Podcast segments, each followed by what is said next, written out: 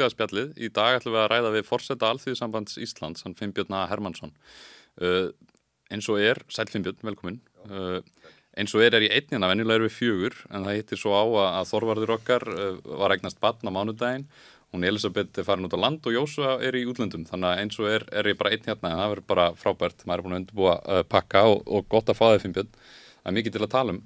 Uh, Við vorum að skoða ræðunæðina sem þú helst uh, fyrir aðeins í um daginn. Og það var þrjusuræða, þú fórst yfir margt, þú fórst yfir ófriðar ástandi sem er í heiminum sem að er að þróast og grassera og geti farið á, á marga vegu uh, en, en þú varst líka svolítið að skjóta á úræðaleysi uh, stjórnvalda í húsnæðismálum, velferðanmálum og, og, og, og stöðu almennings núna í kjaramálum.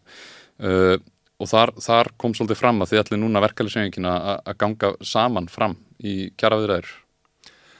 Já, uh, þessi fundur sem þetta veitna til að við vorum semst, þetta var formannafundur allþýðu sambansins og það var bara mjög mikil eindregni á þessum fundi um það að uh, verkefnin væri það stór að nú þyrftum við að snúa bökun saman og leggja til hliðar þessa væringar sem hafa verið innan allþýðu sambansins núna undanfærin ár og, og hérna, það er bara að krafa okkar félagsmanna að svo veri gert. Mm -hmm því að hérna, við erum að horfa á það til dæmis uh, því hún nefndir húsnæðismáli sem er náttúrulega bara eiginlega stærsta máli sem að, sem að verður til umræðu í komandi kjærasamningum og það hittist þannig á að það er eiginlega ekki við atvinnireikundur heldur við stjórnvöld að mestun hluta en að hluta til við atvinnireikundur uh, það sem við þurfum að fá frá stjórnvöldum. Það er vissu fyrir því að við getum byggt eh, allavega fjögur til 5.000 íbúður á ári.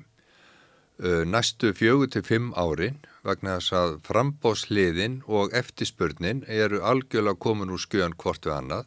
Að það sem sagt er, er lítið frambóð eða reynda frambóð núna af húsnæði og það náttúrulega kemur til af því að því er stýrt þannig vegna, vegna okkur vakstra uh, og það ástand mun náttúrulega bresta á tímanum sko Þannig að við þurfum að, að grýpa til þess að það verði hægt að byggja. Uh, innviðar á þeirra er með áform um það að byggja uh, allafanna fjögur stýpuður ári, sjá til þess og til þess þurfum við að fá sveitafjölugin til þess að koma með uh, lóðir og þá er ég að tala um lóðir á viðræðanlegu verði því að þérna Við verðum náttúrulega að byggja íbúðir sem eru í takt við greiðslu getu almennings. Við höfum ekkert að gera við sko lóðir sem eru komnar sko kannski yfir 20 miljónir nú þegar og þá átt er að greiða gatningerugjöld og innviðagjöld og, og, og annað þess áttar og, og þá eru kannski að tala um 35 miljónir á íbúð áður en byrjar að byggja.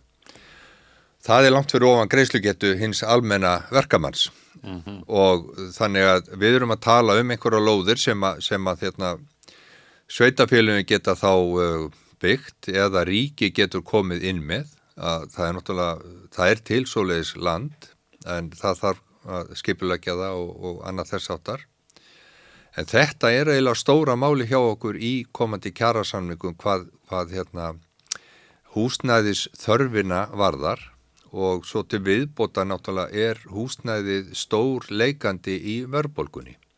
Já, og það er kannski ekki alveg svona tekið nógu mikið inn í jöfnuna, vilja sumir hægfræðingar meina að allavega selabankastjóri og fleiri og svona ráða, ráðafólk er ekki að benda nægilega á þetta hvað húsnæðisverðið er að reyka verðbólguna mögulega mikið áfram?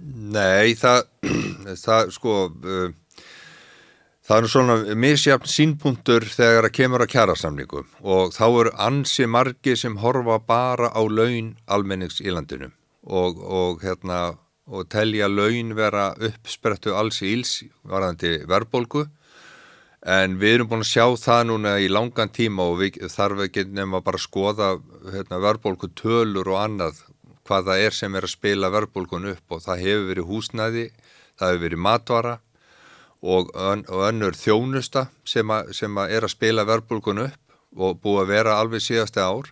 Þannig að, að þeir sem vilja skoða verbulgutölur og, og vilja eh, sko ná verbulgunni eitthvað nýður, þeir náttúrulega verða bara að sætta sig við það að, að horfa í staðrindir og það eru þessi þættir sem eru að halda verbulgun uppi Það þarf ódýrar húsnæði, ódýrar húsnæði sem þarf að byrja að byggja sem fyrst í miklu meira mæli. Já, Þú tekur sko. fram í ræðinni að, að við hefum oft fengið svona uh, uh, glærukynningar um, um stórkáslega uppbyggingu á, á húsnæði en, en svo hefur lítið orðið að því sem að hefur verið að lofa en, en hefur aðeins meiri trú á því sem að hefur verið að tala um núna? Já, við erum bara komið það upp að vekk að það er ekkit annað í bóði heldur en að fara að taka á þessu. Mm. Uh, ég hef verið að segja það að, að við erum búin að horfa á þessa glærukynningu ágæts ráþar okkar í núna, í, uh, sko, held ég, ég held þessi fymtaskipti sem, sem hún kemur með þessu móti en það er reyndar alltaf fjölgað íbúðum vegna sem við höfum alltaf verið undir í framlegslu íbúða miða við þróun og markað. Uh, markaðnum til vorkunar verðum að þó að segja, svo maður sé sangjarn, að, að hérna, eh, innflutningur eða aðflutningur ellens verkafólks hefur gert að verkum að, að hérna, markaðurinn hefur vaksið langt umfram það sem að, sko, á að heita náttúrulegt og aukið verulega á vandan uh, hú, uh, sem sagt og sí- síðan uh, íbúðunar sem að fara í Airbnb út af fjölda uh, ferðamanna eigur enn á vandan því að það er ekki íbúður fyrir almenning sem, að, sem eru settar í það. Þannig að það er margt sem að, sko, hefur til viðbótar bætt á vandan sem var ærin fyrir.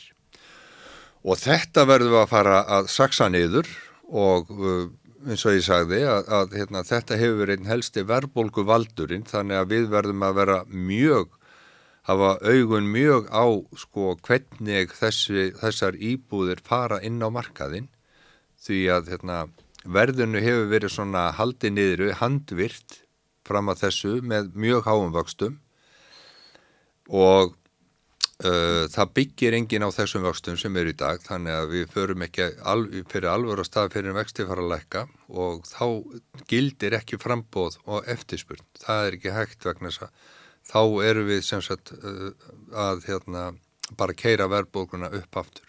Við sjáum að, ef að markaðurinn er bara að byggja út frá E- sínum eigin forsendum þá er alltaf fyrir hagnað og, og þeir leita ekki endilega, alls ekki endilega í lægsta verðið.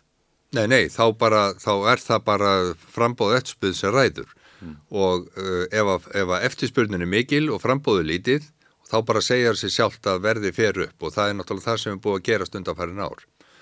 Þannig að, að uh, óhagnaðadrifin fyrirtæki sem ætla að byggja, þau verða að hafa algjöran forgang til að byrja með. Og það er endar í, í þessum, á, þessum meðna, uh, áformum innviðar á þeirra að það verður tekið duglega á þannig fyrirkomulagi og, og, hérna, og ég ætla að lefa mér að vera bjarsinn og, og hérna, trúa því að þetta gangi eftir sko. og við munum leggja allt okkar í sölurnar að það gangi eftir. Hver heldur að sé ástæðan fyrir því að, að, því að ríkistjórnin og að þeirra hefur áður komið fram með, hafa áður komið fram með svona uh, áallanir en það hefur ekki gengið eftir. Hvað er það sem stoppar það? Af hverju er ekki farið að stað með, með þetta að raunverulegu leiti?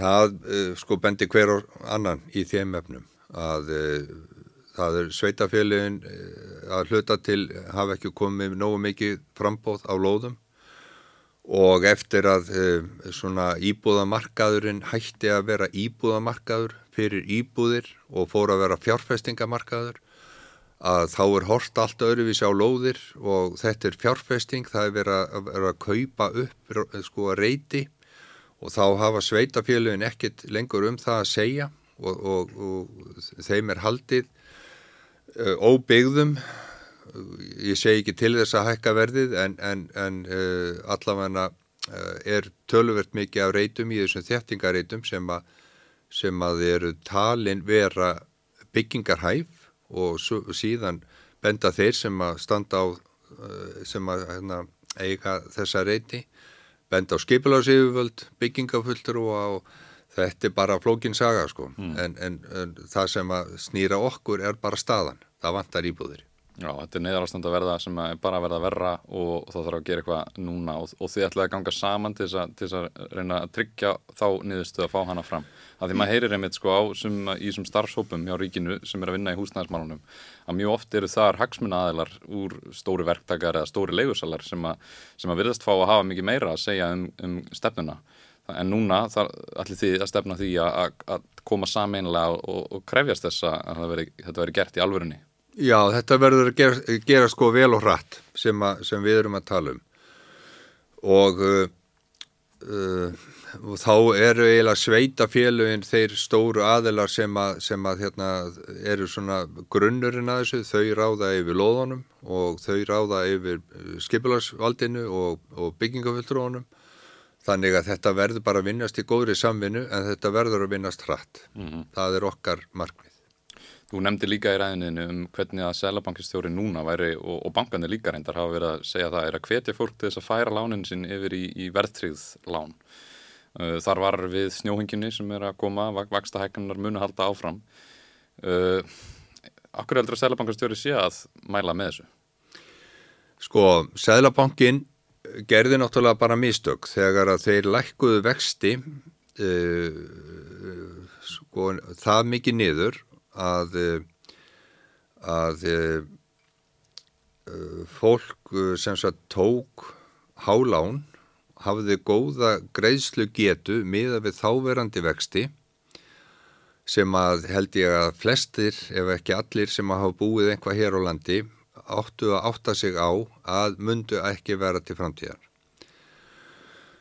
Þá átti að setja einhvers konar bindiskildu eða, eða lækka hérna, veðlutöllin uh, þannig að, að hérna, fólk væri ekki að reysa sér hurðar á sum auksl. Eh, það bara var ekki gert þannig að núna situr fólku uppi með það að eh, sem festi vextina að nú er komið að því að skuldbreyta eða, eða breyta vöxtum og þá liggur alveg fyrir að eh, fólk hefur ekki efni á því að standa skil af nýjum vöxtum mm -hmm. og þá er eina ráði, það er sem sagt að fara í verðtrykt lán sem að uh, hefur það, uh, þann annmarka að þú, þú hérna, ert alltaf að taka lán í hverju mánuði sem að er verbóta þátturinn og færa hann yfir á höfustólinn sem gerist ekkit annað heldur en það að, að hérna, höfustólinn er alltaf að hækka og bankin er alltaf að eignast starri og starri hlut í egninniðinni en þú ert enga síður að standa, uh, standa í skilum. Áborgarnænar eru, eru minni og, og, og mánarlega en þú ert að borga starri heldar uppæð. Já, en, en þú samt sem á ræður tímabundið við hérna sko greiðsluna mm -hmm.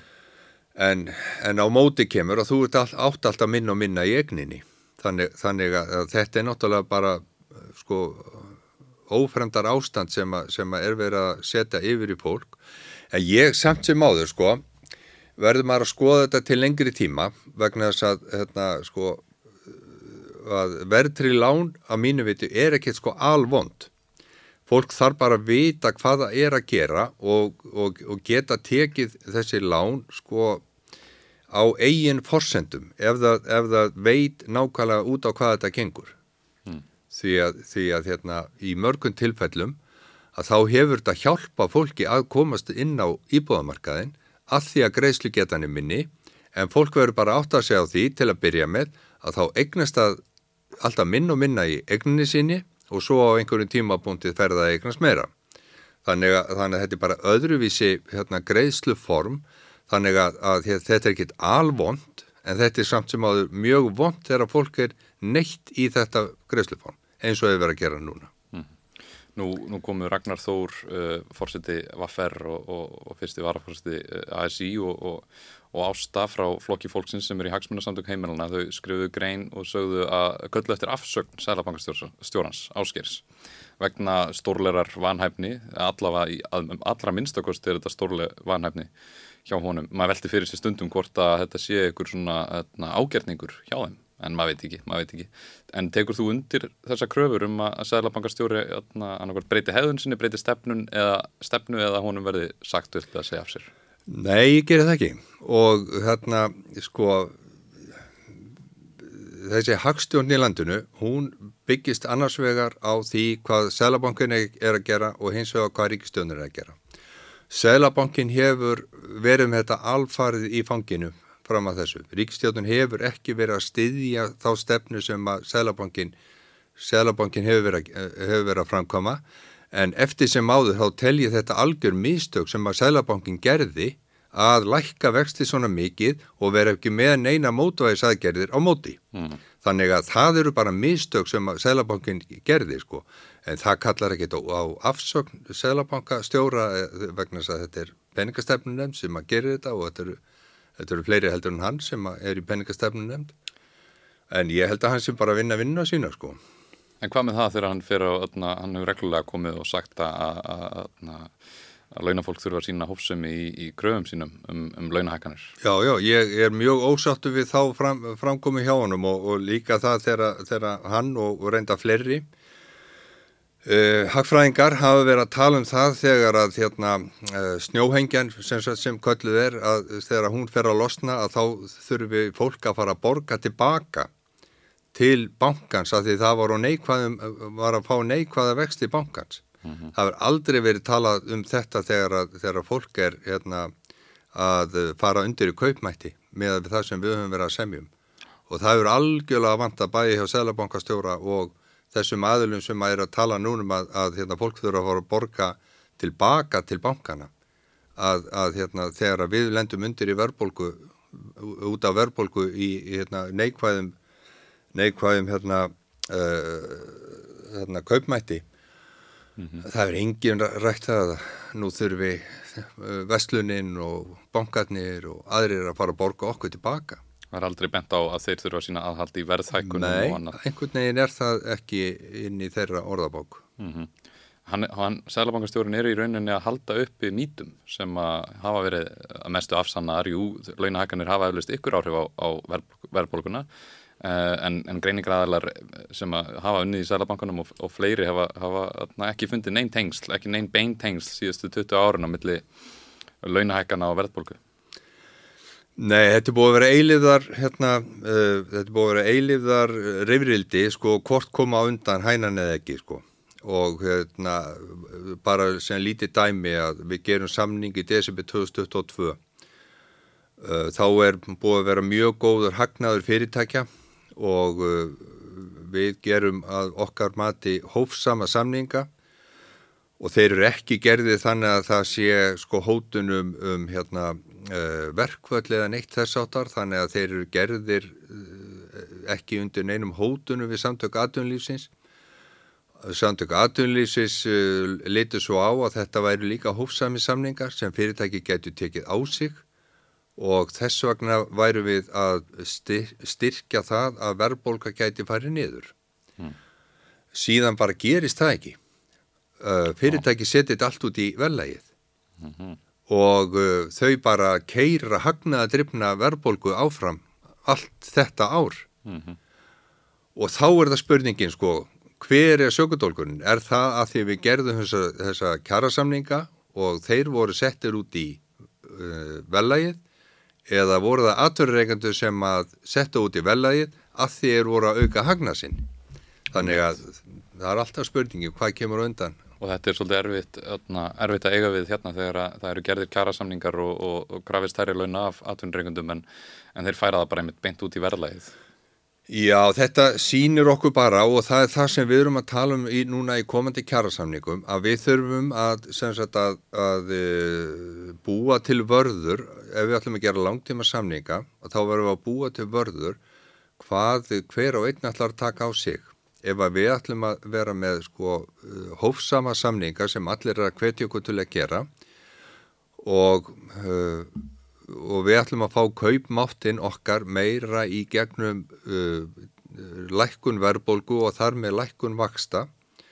Við ætlum að fá hann í gegnum uh, tilfæslukerfin sem, a, sem að við, við þurfum að endurreysa og við ætlum að fá hann í gegnum lækkun á vöruverði eða allavega stöðnun á vöruverði að þá þurfum við sem sagt að gera sáttmála um það að allir þessir aðelar sem að, sem að hafa áhrif á þessa þætti sem ég nefndi að þeir standi við sitt mm -hmm. og það, þetta er bara töluvert flókið en verkafólk eða, eða launafólk í landinu allar eitt ekkert að borga niður verðbólkun og allir halda sínu, það er bara liðin tíð. Og það er ekki þau sem er að fara fram á að það veri sín hófsem í komandi kjæra? Já, hittist þannig á að það eru þeir sem er að hvetja okkur til þess, já. Mm -hmm að fara lengra en það, það er, er viðskiptalífið sem er að, er að kveitja til hófsemar hóf, Já, já, en, en viðskiptalífið í heilsinni hefur bara töluvert um það að segja hvernig, hérna, hvernig þessu reyðir af eins og bara lítið dæmi sko ef að, ef að, hérna, ef að hérna, skipafélagin hefði ekki verið með samráð og uh, vestlunin hefði fengið vöruna ódýrara uh, til sín og geta seltana ódýrar mm. þá mhm. hefði það skipt máli ef uh, bankarnir hefðu ekki tekið bankaskattin sem var, sem var lett af þeim tekið hann til sín og hefði sett hann í það að lakka lánin hjá fólkinu það hefði líka skipt máli þannig að þetta, þetta hangir allt hvað á öðru Þannig er þetta að tala um lækkun bankaskattsins í COVID og þá, þá saði ríkistjónina að þau ætlaði að lækka bankaskattina því að það myndi eh, koma, út, koma vel út fyrir viðskiptafinni bankana fyrir, fyrir neytendur í, og heimilin í landinu en, en það gerðist einmitt ekki að, að bankanir nýttu sér bara þennan skattaafstátt til þess að auka hagnaðin sinn. Eh, hvernig getur við krafist þess og, og, og seti þess að þessu sé fyllt þegar það er búið að samþykja svona þegar það gengið út frá að lækka skatt og þá munum þið eh, fylgja eftir og lækka verð hjá neytendum. Hvernig getur við neytt þetta fram að, að þau ná ekki að svíkja undan þessu? Sko við höfum gegnum tíðina höfum við verið með ímis afbreyði af rauðum strykum eða, eða bremsum eða hvað við viljum kalla þetta og það er eiginlega eina leiðin sem við höfum gagvað þessum aðlum að, að hérna, ef að það gengur ekki eftir að þeir standi við sitt sem að er í fossendum sem að við gefum okkur fyrir komandi kjærasamninga að þá annarkvæmt fáum við það bætt eða þá að við segjum upp samningum og þurfum að, semja aftur. Það, mm. Því miður þá bara er það ráðin sem við höfum. Og þetta er búið að vera svolítið þannig, það er ekki síðustu áru, kannski ára tugi að það er bara alltaf verið að gefa verkafólki puttan. Jú, það er sko, ég man, ég hef búin að vera dóðlega lengi í þessu mm -hmm. og ég man ekki til þess að við höfum ekki þurft að setjast nýður út af svona rauðum strykum eða einhvern vörðum, við, við, við höfum alltaf þurft að gera það. Það verður alltaf verið það að þetta hefur verið á grænsunni eða farið yfir.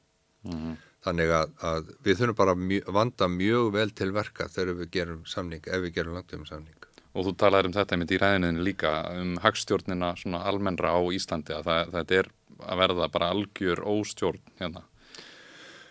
Já, það, sko, það er þannig að e, það ræðst svo ofbúslega mikið af kaupi og kjörum okkar á alþingi eða það eru aðrir heldur en sko viðsemindur sem ráða því í hvað launin okkar fara og ef að, ef að hérna, stjórnmöld sem sagt uh, leggja eigilíflega álögur og eru með hækkanir á álögum á okkur í staði fyrir að setja þá einhverja skatta á þá sem hafa efni á að, að bæta á sig eins og margi hverjir í atvinnulífinu mm -hmm. að þá hérna Eh, þá fer bara illa hjá okkur vegna þess, að, vegna þess að þessi afrétting sem við þurfum að vera með kjærasamning eftir kjærasamning og þessi ófyrir sjáanleiki sem, að, sem við erum með varðandi vexti, varðandi bara afkomi heimilisins að eh, fólk sem á börn og það fær badnabætur það vil hafa verðgildi badnabótana áfram og það gerir ráð fyrir því en það lækka alltaf raungildi uh, á, þegar, þegar hérna, framleiða stundir. Mm. og þessi ófyrirsjánleiki hann er svo erfiður. Og við, þá þurfum við alltaf að koma með einhverja afrettingu og þetta á ekki að þurfa að gerast svona ef að stjórnvöld eru ábyrg.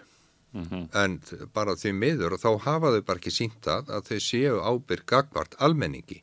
En þau eru öruglega ábyrg gagvart öðrum eins og ég nefndi ræðinu Já þau, atna, þau fylgja ekki þessum, eða sjá ekki til þess að það sé fyllt uh, þeim lórum sem þeim eru gefin eða einmitt þessar fórsendur um að, að skattalækjanar skýri sér til almennings einhvern veginn.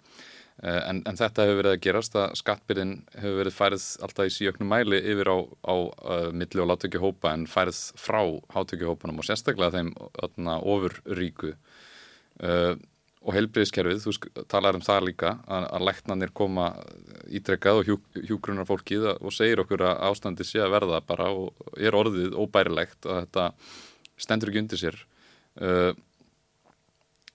þarf ekki stórfældar breytingar í hagstjórn á Íslandi. Það þarf virkilega að færa þetta til, færa skattbyrðina af vinnandi fólki yfir á uh, þá burðar meiri og, og almennilega fjármagna kerfin okkar. Jú, uh, við erum búin að vera með efna á skattanemnd að störfum uh, í alþýðisambandinum þar sem að við erum með mjög vel útfærðar kröfur hvernig við viljum sjá samfélagið þróast mm. og við erum jafnframt með tillögur um það hvernig það verður greitt og þar erum að horfa til þeirra aðela sem að hérna, eru sem sagt aflögupærir í samfélaginu og það eru bara sem betur fyrr er það hérna, mörg af, af hérna, okkar fyrirtækjum og aðtunum greinum sem eru vel fær að bæta á sig álögum og við viljum al, alveg endilega að ríkistjóðin fara að skoða fleiri möguleika heldur en bara eilifar álögur á almenning. Mm -hmm. Verðmættin sem eru sköpuð eru, eru gríðarleg. Uh, mér ást nú áhugavert að sjá úr Grindavík að það, það var verið að bjarga verðmættum þar úr uh, fristuhúsi og, og það kom fram uh, að þar, þar væri ykkur um 600 til 800 miljónir virði af, af fisk í þessu litla þorpi. Þetta sýnir bara hver Eh, afkasta getan og framleinin er mikil bæði sjárótvei en bara í íslensku samfélagi uh, en aðna uh, bankanir, þeir greitur út arð núna á þriðja fjórðungi ársins og það vorum 20 miljardar er, er verkefælisengin ekki með eitthvað kröfur eða aðna, hugmyndir um, um samfélagsbanka? Jú, það er uppi hugmyndir um að gera landsbankan sem er 100% í eigu uh, ríkisins að samfélagsbanka. Uh, það sem að við erum fyrst og síðast að kalla eftir í, með þeim aðgerðum það er að hér stopnist raunveruleg samkeppni millir banka. Það er engin samkeppni á millir banka og við getum ekki lifa við það öllu lengur. Það þarf ekki samráð eins og millir bankana. Þetta eru þrýr bankar sem að hérna bara fylgjast með hverjuðurum alveg eins og ólífufélagin sko. mm. að mm. hérna, þetta er ekkit samráð en bara ég ætla að vera allt krónu ódyrjari heldur en hinn og uh, það þarf ekki að ringja í viðkomandi korki banka eða ólífufélag til þess að, til þess að hérna, stilla sig af og þetta er engin samkemni og uh, við horfum til þess að, að ef að uh, við getum búið til samkemni með svona samfélagsbanka og þá er það vel.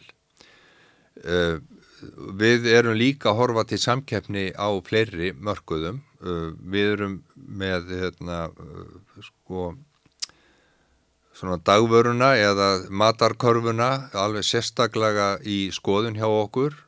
Við ætlum að stór efla eftirlitið vellags eftirlitið hjá allþjóðsambandinu og síðan erum við náttúrulega sko svolítið uggandi yfir því hvað er verið að, að sko fjársvelta allar svona eftirlitsstofnari sem við erum með.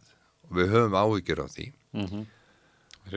og uh, til dæmis samkeppnistofnun og eins og til dæmis skattin að skatturinn get ekki hérna, fari betur ofan í uh, hjá, hjá fyrirtækjum vegna þess að þegar að uh, er lagður á skattur á fyrirtækjum þá er margt, margt búið að gerast áfram kemur að þeim þættinum mm -hmm. og það er mörg matarhólan sem, sem að þeir geta fyllt inn í og er ekkit endilega að brjóta lög með því, það bara er orðið mjög hérna, þróa kerfi hvernig hægt er að, hægt er að hérna, koma sér undan skatti í fyrirtækjarekstri og þetta þurfum við bara að skoða hvort að allir sé að leggja sitt til samfélagsins sem að eiga að gera það. eins og skildi. Já.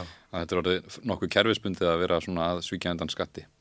Ég, ég ætla ekki að kalla það að segja svíkjöndarskatti, þeir eru bara, þetta er eflust lögleg sko því að það er heil stjætt manna hérna bæði, bæði endurskoðundur og, og skattalögfræðingar sem, sem eru ráðgjafar sko þannig að, þannig að þetta þarf ekki enda að vera svíkjöndarskatti en, en, en það þarf að styrkja löggjöfina í kringum þetta allt saman þannig að fólk sé að borga að, sko eðlilegt afgjald af til dæmis af auðlöndum. Mm -hmm það, það mætti kannski segja að þetta, sé, þetta er möguleg ekki lögbrot en þetta, þetta er eitthvað sem hefur orðið til uh, í, þetta, þetta var ekki það sem átti að gerast með, með þess, þessum lögjöfum sem við höfum núna og núverandi skatta umhverju og skattalögum. Og þetta var ekki pælingin með, með þessum lögum en, en nú er þetta orðið svona það er búið að finna leiðir framjá, það er einhvern veginn búið að snýða þetta uh, svona og sumir menn uh, eins og Hannes Holmstedt, hann, hann held nú fyrirlestur fyrir tveim áram held ég það sem hann var að segja einmitt að, að þetta væri digð að uh, auðmanna að finna sér hverja einustu leið sem þau geta til þess að komast undan skattið og það er kannski lögulegt en þetta er einmitt ekki þar sem að maður ímynda sér að, að ríkið, ríkið sé að hugsa þegar, þegar að leggur niður þessi, þessa lögjöf. Sko almenningur er alveg klálega ekki að hugsa það vegna þess að eins og við þekkjum bara sem almenningur að þá er tekinn sem sagt brútt á skattur af öllu sem við vinnum okkur inn en það tekir nett á skattur af, af fyrirtækjum. Og þá eru þau búin að draga allt frá sem að sko fræðilegt er að draga frá. Þannig að hérna, það er ekkit saman að jafna sko gagvart skattalögum. Og það er bara að skoða þetta. Mm -hmm. uh, það, og það er með samfélagsbankana að, að mikið að taka fram með að ef við værum með samfélagsbanka sem að myndi uh, veita svona ákveðna samkeppni við hinnabankana því að hann, hann gæti bara ef hann væri óhagnæðadrifin þá myndi hann bjóða svo miklu læri verð að hinni bankanir eru nettir til þess að uh, fylgja því svolítið eftir að því annars myndi enginn verið í viðskiptum við þau. En er það ekki svolítið svipaði mitt með húsnæðiskerfið að ef við værum með mun meira af óhagnæðadrifnum byggingafélögum eða leigufélögum og, og húsum að, að þá myndi hinmarkaðurinn sumulegðis þurfa svolítið að, að dempa sér niður í verði Jú, það, það er náttúrulega bara þetta frambóðu eftirspurn og, og þegar að verður skekkja í því að þá náttúrulega ákvot megin sem er að þá verður verðið óæðilegt. Það sem við horfum mest til með þessum óhagnadrifnum fyrirtækjum sem, að, sem eins og Bjarki, eins og Blæ og, fle, og flerum sem, sem eru óhagnadrifin og það er, það er uh, íbúðar öryggið það er fyrir þá sem að þurfa að leia að þá er bjarg mjög góðu kostur. Við, þar, þar er byggt mjög hagkvæmt og það hefur verið farið yfir það, það hér veit ég að, að hérna að það er sem sagt fyrir fólk sem er svona tekjulæra að þá, þá hérna er það bara íbúðar öryggið sem er stæstil hlutin og síðan er þetta á viðræðanlegu verði. Mm -hmm. og það er það sem við horfum til sko en, en varðandi, varðandi sko annað að þá mun svona óhagnaðadrifin fyrirtæki aldrei taka yfir markaðin það verður alltaf bara almennu markaður það sem að menn byggja og fá það verð sem að markaður segir til um.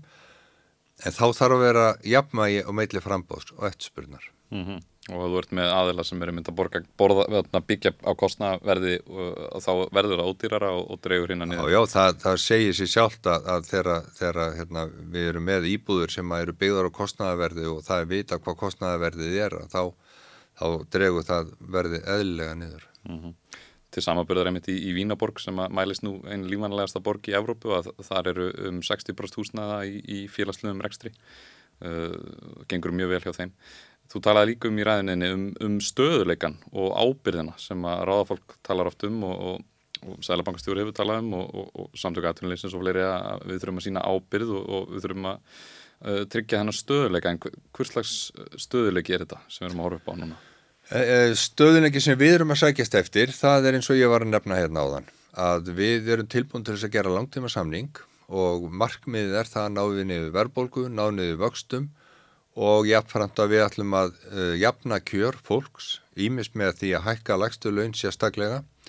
Við ætlum að skoða uh, stöðu kvenna alveg sérstaklega sem eru í lálaunastörfum mm -hmm. og svo, svo hitt að uh, það, þeir sem geta og þeir sem að hérna, hafa möguleika á að þeir leggji sitt að mörgum í svona stöðuleika og þá er ég enn og aftur að tala um vestlununa, ég er að tala um bankana og og þá aðila sem að, sem að sko, mynda það verð sem að við þurfum að borga fyrir hvað sem að það er matur eða þjónusta eða bílin eða bensin eða hvað sem er mm -hmm. sem, að, sem að eru áskrifundur af launónum okkar. Og þessi, þessi stöðuleiki sem við horfum á núna, þetta mætti kannski kalla svona ákveðin neikvæðan frið að það væri, þau vilja að við séum uh, við höfum ekki ómikið læti við sínum hófsimi, við sínum ábyrð svo kallaða og halda þá uppi mítum um að það með ekki hækka launa því að þá fari verðblugan upp.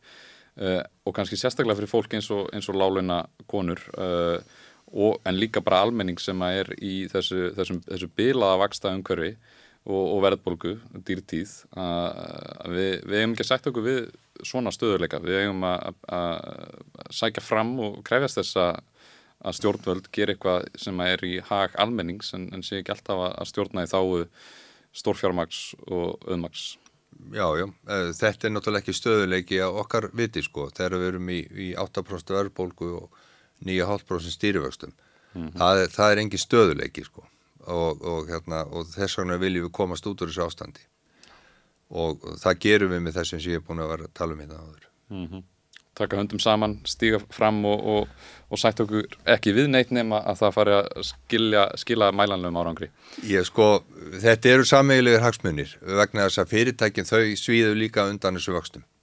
Og uh, það er svona takmarka á hvað fyrirtæki á þess að ég ætla að fara nú að, að, að hérna, beri bætjaflaka fyrir fyrirtæki það, það er samt tak, takmarka sem þau geta teki á sig af, af launakröfum þegar stærri hluti heldur en sko viðbótin á laununum er að fara í vexti mm. þannig að, að hérna, við eigum að horfa til þess að, að hérna, sko, það sé ávinningu begja að vextir færi niður verðbólkan færi niður og ef að verði uh, sko svona verði hérna til uh, fjármagn eða, eða hérna egnir í samfélaginu að þá getur við alveg skoða það hvernig því verði skipt svo í áframhaldinu og við vorum með svona í síðustu, í lífskjara samningunum hennan hávastar auka og það er bara sjálfsagt að skoða einhvað þess áttar að við, við sagt, verðum með launahækkanir einhvað í samræmi við það hvernig samfélagi gengur.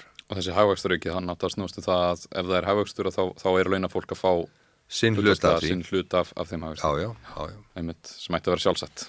Já, mér, finnst það að vera alveg sjálfsagt vegna þess að það eru við sem er að leggja grunninn að þessu stöðuleika sko, þó svo aðri verði að koma að honum. Að, að það er fyrst og síðast launafólk sem er að leggja grunninn að þessu. Mm -hmm. vinnur, vinnur fyrir verðmætunum uh, og meðan að uh, fjármarsegjandur og stór, stór egna fólk, egna stjættin, hún, hún á framleyslufærin. Uh, ég óskjökur mjög góð skengis í þessu uh, og, og hvet fólk að taka þátt í sínu verkefælisfélagum og, og sækja fram að þetta er ekki að skána uh, ástandi, við þurfum að berjast. En, en snúm okkur aðeins öðru, loka umræða hérna að, að ASI Ung, ég meina spurningu frá ASI Ung að nú var samþygt að ASI Ung fái að vera með áherna fulltrúa inn í miðstjórn ASI Já, sko uh, við hefur verkefælsfélagin í landinu þau hérna þurfa náttúrulega að endur nýja sig. Að, og það er mjög mikilvægt að, að virkja ungt fólk eins og mögulegt er. Og ég var eins og ungur þó óleiklegt að segja og þekki þá bara á einskinni að akkord þegar maður er ungur þá er maður reyna að koma það gefur höfuð þegar maður er að eigna spötn og annað þess og þannig að maður gefur þessu kannski minni tíma heldur en ella og verkefælisfélagun hefur gengið fyrir ekkar illa hverju fyrir sig að halda úti svona ungleðastarfi. Þess vegna eru við komið með ASI ung og það, það er bara frábær starf sem að, sem að þau innan af hendi og ég er mjög ánaður með ASI ung innan alltíðsamfansins. Mm -hmm. Þau taka þátt í sagt, málefnum og málefnanemdum hjá okkur og vonandi hérna, eru þau að læra af því og, og þau, þau hérna, sagt, þjálfast í félagsstörfum en þau verða náttúrulega að vera jafnframt virk í sínu stjættafélagi og þegar að kemur að svona hlutum eins og kjarasamningum og öðru þessáttar að þá eiga þau að gera sér gildandi í sínu stjættafélagum. Þar eru þau að berjast í nærum hverfinu og, og hérna uh, og er þá að berjast sagt, uh, innan sinna félaga um það málefni sem þau félag eru með og þannig vil ég að þau vinni og þannig eiga þau að vinna svona samkvæmt, uh, samkvæmt hérna, skrá alltíðisambansins um, um hérna, ASI ung.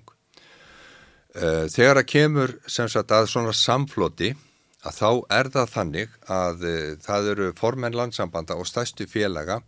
Við erum, við erum semst með samning um það að, að, hérna, að uh, gerðum samkómalag innan alltíðisambansins hvernig þetta fyrirkomalag sé og það eru formenn landsamband og stæstu félaga sem mynda sameigilega samninga nefnd um þau málefni sem að hérna, alltíðisambandinu er falið að sjá um. Og það hefur yfirleitt verið þessi samíjulegu mál sem að snúa stjórnvöldum og samveigilega mál sem snúað atvinnureikutum og það er sagt, þessi formen landsambanda og stærstu félaga sem fara með þau mál. Og þegar þú dónum formaður landsambandi þá ert þú fulltrú allra hvort sem út ungur, gamal hafnaverkamaður eða, eða vinnur í álveri eða þú veist alla starfstjættir það skiptir ekki máli, þú ert bara fulltrú allra. Og þannig uh, höfum við kyrt þetta mjög lengi. Og ef þú all, vilt komast í, í samninganemnd þá segi ég gerðu þið gildandi í þínu fjalagi og, ger, og farðu í samninganemnd þar. Mm. uh, ASI Ung var að óskætti því að gerast áhörðanfulltrúi uh, í samninganemnd stóru samninganemndinni innan ASI Þessari sameinlögu Þessari sameinlögu mm -hmm. og ég sem sagt uh, vildi og vil að það verði þá tekið upp á starri vettfangi og, og hérna, skoða heildrænt hvernig í ung eigi þá að starfa ef að við ætlum að breyta þessu. Við hefum ekki að gera það núna fyrir þessa samninga. Og ég veit alveg að þessi skoðun mín er ekkit rosalega vinsæl hjá aðeins í ung, en, en ég hef hana samt sem áður og, og, og ég segja hana og ég skammast mér ekkit fyrir hana. Mm -hmm. Það var samþygt sem sagt eins og þú ert að benda á að, að frá miðstjórn að AISI ung fengi hérna, áhörnafulltrúa og við sagt, vorum búin að, að hérna, leggja til að stærstu félögin innan AISI, annars vegar ja, stærstu landsamböndin og, og félag eh, innan AISI fengju áhörnafulltrúa og það kom til af því að það hallar verulega á konur. Já, já og það, og óskuðum og ég gerði það að tilugum minni að, að leggja það til við Vaffer og starfgrunarsambandi að, að tilnefna sérstaklega konur í þessa samninganend sem var gert og miðstjórn hérna, staðfesti það á síðasta fundi en jafnframt kom þessi umræða upp um að hérna, uh, ASI Ung fengi líka árnaföldrúa mm -hmm. Og þá kom upp þessi umræða um það hvort að það væri þá ekki á sömu fórsendum að ASI ung hérna, þyrta tilnefna konu og, og, eh, en, en þau vildu hafa það bara í ja, sinni eigin ákverðun og tökku hvort svo væri og uh, það var samþygt sem sagt að, að hérna, mælast til þess við uh, samninganemdina, þau geta náttúrulega ekkert annað en bara mælst til þess miðstjórnin við samninganemdina að hún uh, sem sagt hleypi einum áhörðanfulltrúa inn, inn hérna hjá samninganemd mm -hmm. og þannig standa málið núna. En, en ég er alls ekki að segja það að, að, hérna, að rómur ungra eigi ekki að heyrast sko Við erum líka með, með hérna, bólgna uh, kröfugerð frá uh, landsambandi eldriborgara og eða félagi eldriborgara viða um land og, og þau koma bara upp í gegnum félagin sín. Þannig að hérna, þeir eru að herja á sín málefni í gegnum félagin og í gegnum félagin koma kröfur og sum verða sameileg, önnur eru sértæk sem að félagin þá þurfa að keira eftir ef þau taka þau sem kröfugerð frá, frá hérna, eldri fjölugum. Þannig er bara gangurinn í þessu að þetta er ekki þannig að, hérna, að eh, við getum bara skilgreinda okkur einhvað sérstakt og ætla að fá þá fá hérna, aðild að samninga nefnd alltíðisambansins. Það snúist meira um að þú sért í ykkur sambandi, ykkur verkefælisfélagi en svo ertu ungmanniski og þá ertu með í kannski aðeins í ung og, og svona. Já, þú, þú, þú átt að Já. fá sko insýnina inn í málefnin þar mm. að því að þú þart á því að halda og það er það sem að, sem að við erum að, að hérna, veita aðeins í ung, það er insýnin inn í öll málefni og þessi félagslega virkni að vinna í nefndum og, og svo leiðstótar í en, en síðan átt að gera þið gildandi í þínu verkefælisfélagi, viljur þú verið í trúnaráði í stjórn eða komast inn í samninganem, þá gerur þú það í þínu félagi. Það eru þetta kjarnin. Já. En kanntu ykkur að skýringar á því hvernig atna, og, mannstu hvernig það var áður kannski fyrir nokkrum áratugum að er, finnst þið nýluðin í verkefælisfélagunum vera orðin erfiðari eða stremnari? Já, ég er svo gammal í hættunni að ég var starfsmæður 1989 til 1996 hjá félagsmálaskóla Alþýðu mm. og þá vorum við með skóla sem var í halvan mánuð og þar gáttu, gáttu hérna, stjættafélagin sendt sína fulltrúa í skólun, í félagsmálaskólanu þar sem þau læriðu ræðumensku, fundastjórn og, og hérna, tilúugerðir og, og, hérna, og já, rítun ræða og annað þess áttar og þar kom unga fólkið og þegar ég fór svo á á hérna, alltíðu sambandsþingin þá sá ég alla mína nefnendur og eða okkar, ég var náttúrulega ekki degni starfsmæðurinn, við vorum mörg mm. þá sáum við alveg nefnendurna og sáum virknina þeirra á þinginu sem var bara mjög gott síðan hefur bara því miður að e, þetta sko bara með breyttum samfélagsáttum að þá hefur engin tíma til þess að vera halva mánuði í burtu eða, eða hérna hefur ekki tök á því bara frá sínu fyrirtæki. Þannig að þetta er alltaf að brotna meira og meira niður þannig að við getum ekki hérna, þjálfað eins mikið af ungu fólki eins og við gerðum þá. Það var ekki bara ungt fólki í félagsmálskólanum, það var líka, líka, hérna, líka meðlums, hérna, meðaldra fólk og, og mm. eldri en, en enga síður að þá, þá var þetta mjög góð uppælandastarf sem að félagsmálskólinn syndi. Að kenna fólki þessi teknilega andrið. Já og þetta er, þetta er grunnurinn að því að geta sko byrjað að menn telja alltaf allt sér svo vittlu sem ég segja sko fyrstu ræðuna þeirra. Og síðan kemur þetta náttúrulega en það er gott að geta tekið það svona í skóla og fengið tilsögn mm -hmm. og, og hérna en því miður þá höf, hefur okkur ekki tekist nema þá í gegnum trúnamannafræðsluna og síðan stittir í námskeið en þetta er ekki eins markvist eins og þetta var í félagsmálskólunum. Já, einmitt. Það var þetta meira hnýttmiðað og útpælt veginn og, og, og mið, miðlægt einhvern veginn. Já, já, þetta var sko eitt skóli fyrir, fyrir allt landið en hann, hann var haldinn samt sem áður sko viða um land. Hann var ekki bara á einu stað mm -hmm. en, en oftast var hann í Ölfusborgum og notuðum hérna, aðstöðun okkar þar. Mm -hmm. Við, við höfum svolítið talað um inn í unglega spjallinu að þetta er áhugjefni hvernig samfélagið er búið að þróast að það er eins og það sé erfiðara fyrir fólk að, taka þátt í félagsstarfi hvort sem það sé uh, út af hugmyndafræðilegum ástæðum, aukinni einstaklingshyggju eða, e, eða þá hreinlega bara það að fólk hefur ekki tíma í það. Það er of upptikið í að eiga ísu og á. Já, við erum að verða vörfið það sko að, að, að fá fólk sko til starfa að uh, bara undir mönnunin almennt í, í fyrirtækjum er orðin þess eðlis að ef þú skreppu frá að þá kemur það niður á vinnufélagunum og, og hérna þá ertu leitin hodnöga og þú ert með samvinskupið gagbart í að, að þeir þurfa taka á sig viðbótar verk að sko, hvað við segja, grimdin er orðið miklu meiri núna að, að hérna og tilallunasemin um sko afkvöst og annað þess áttar að, að hérna, fólk hefur ekkit sama svigurum eins og að hafði. Mm. Það, er, það er allir alveg á tampi og þess vegna kannski skiptir einmitt enn meira máli núna að sækja fram sameinlega og, og ná árangri svo að sé hægt að skapa aðeins meira svörum í, í lífu fólks uh, það er mikið undir Já, já, það er verulega mikið undir og sem betur fyrir þá fólk farið að hugsa öðruvísi núna heldur en, heldur en hérna var.